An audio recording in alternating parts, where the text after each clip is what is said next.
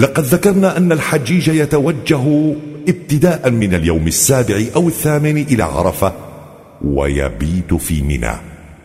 وفي ذلك المكان يدعو الحاج ربه قائلا اللهم هذه منى فمن علي بما مننت به على أوليائك وأهل طاعتك. ولاسم هذا المكان منى معنى يعبر عن قرب نيل الحاج أمنياته التي طالما تكبد من أجلها المشاق. فهو يتضرع إلى الله في تلك الليلة ليحقق أمنياته ويكون في عداد الناجحين. إذ ينال ما هو ساع إليه. فغدا في عرفة تبيض وجوه وتسود وجوه.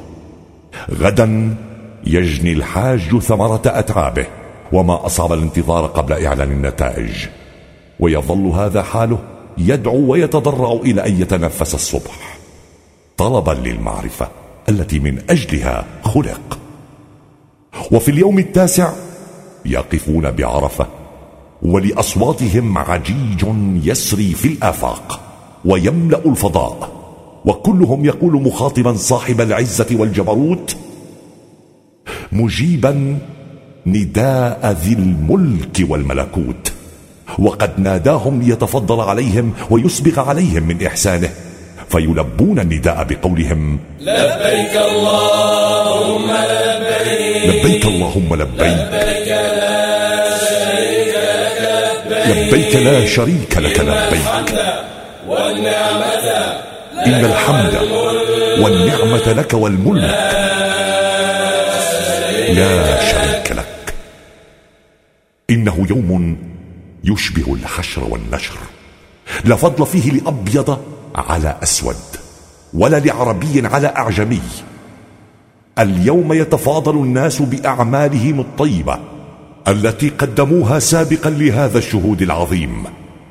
لا بأنسابهم ولا بألوانهم. هذا اليوم هو نيل الشهادة شهادة أن لا إله إلا الله. وأن محمدا رسول الله شهودا قلبيا. وفي هذا اليوم يرى الحاج حقائق ما كان ليراها من قبل ويرى الخير كل الخير فيما كان يأمره الله به والشر كل الشر فيما كان ينهاه عنه.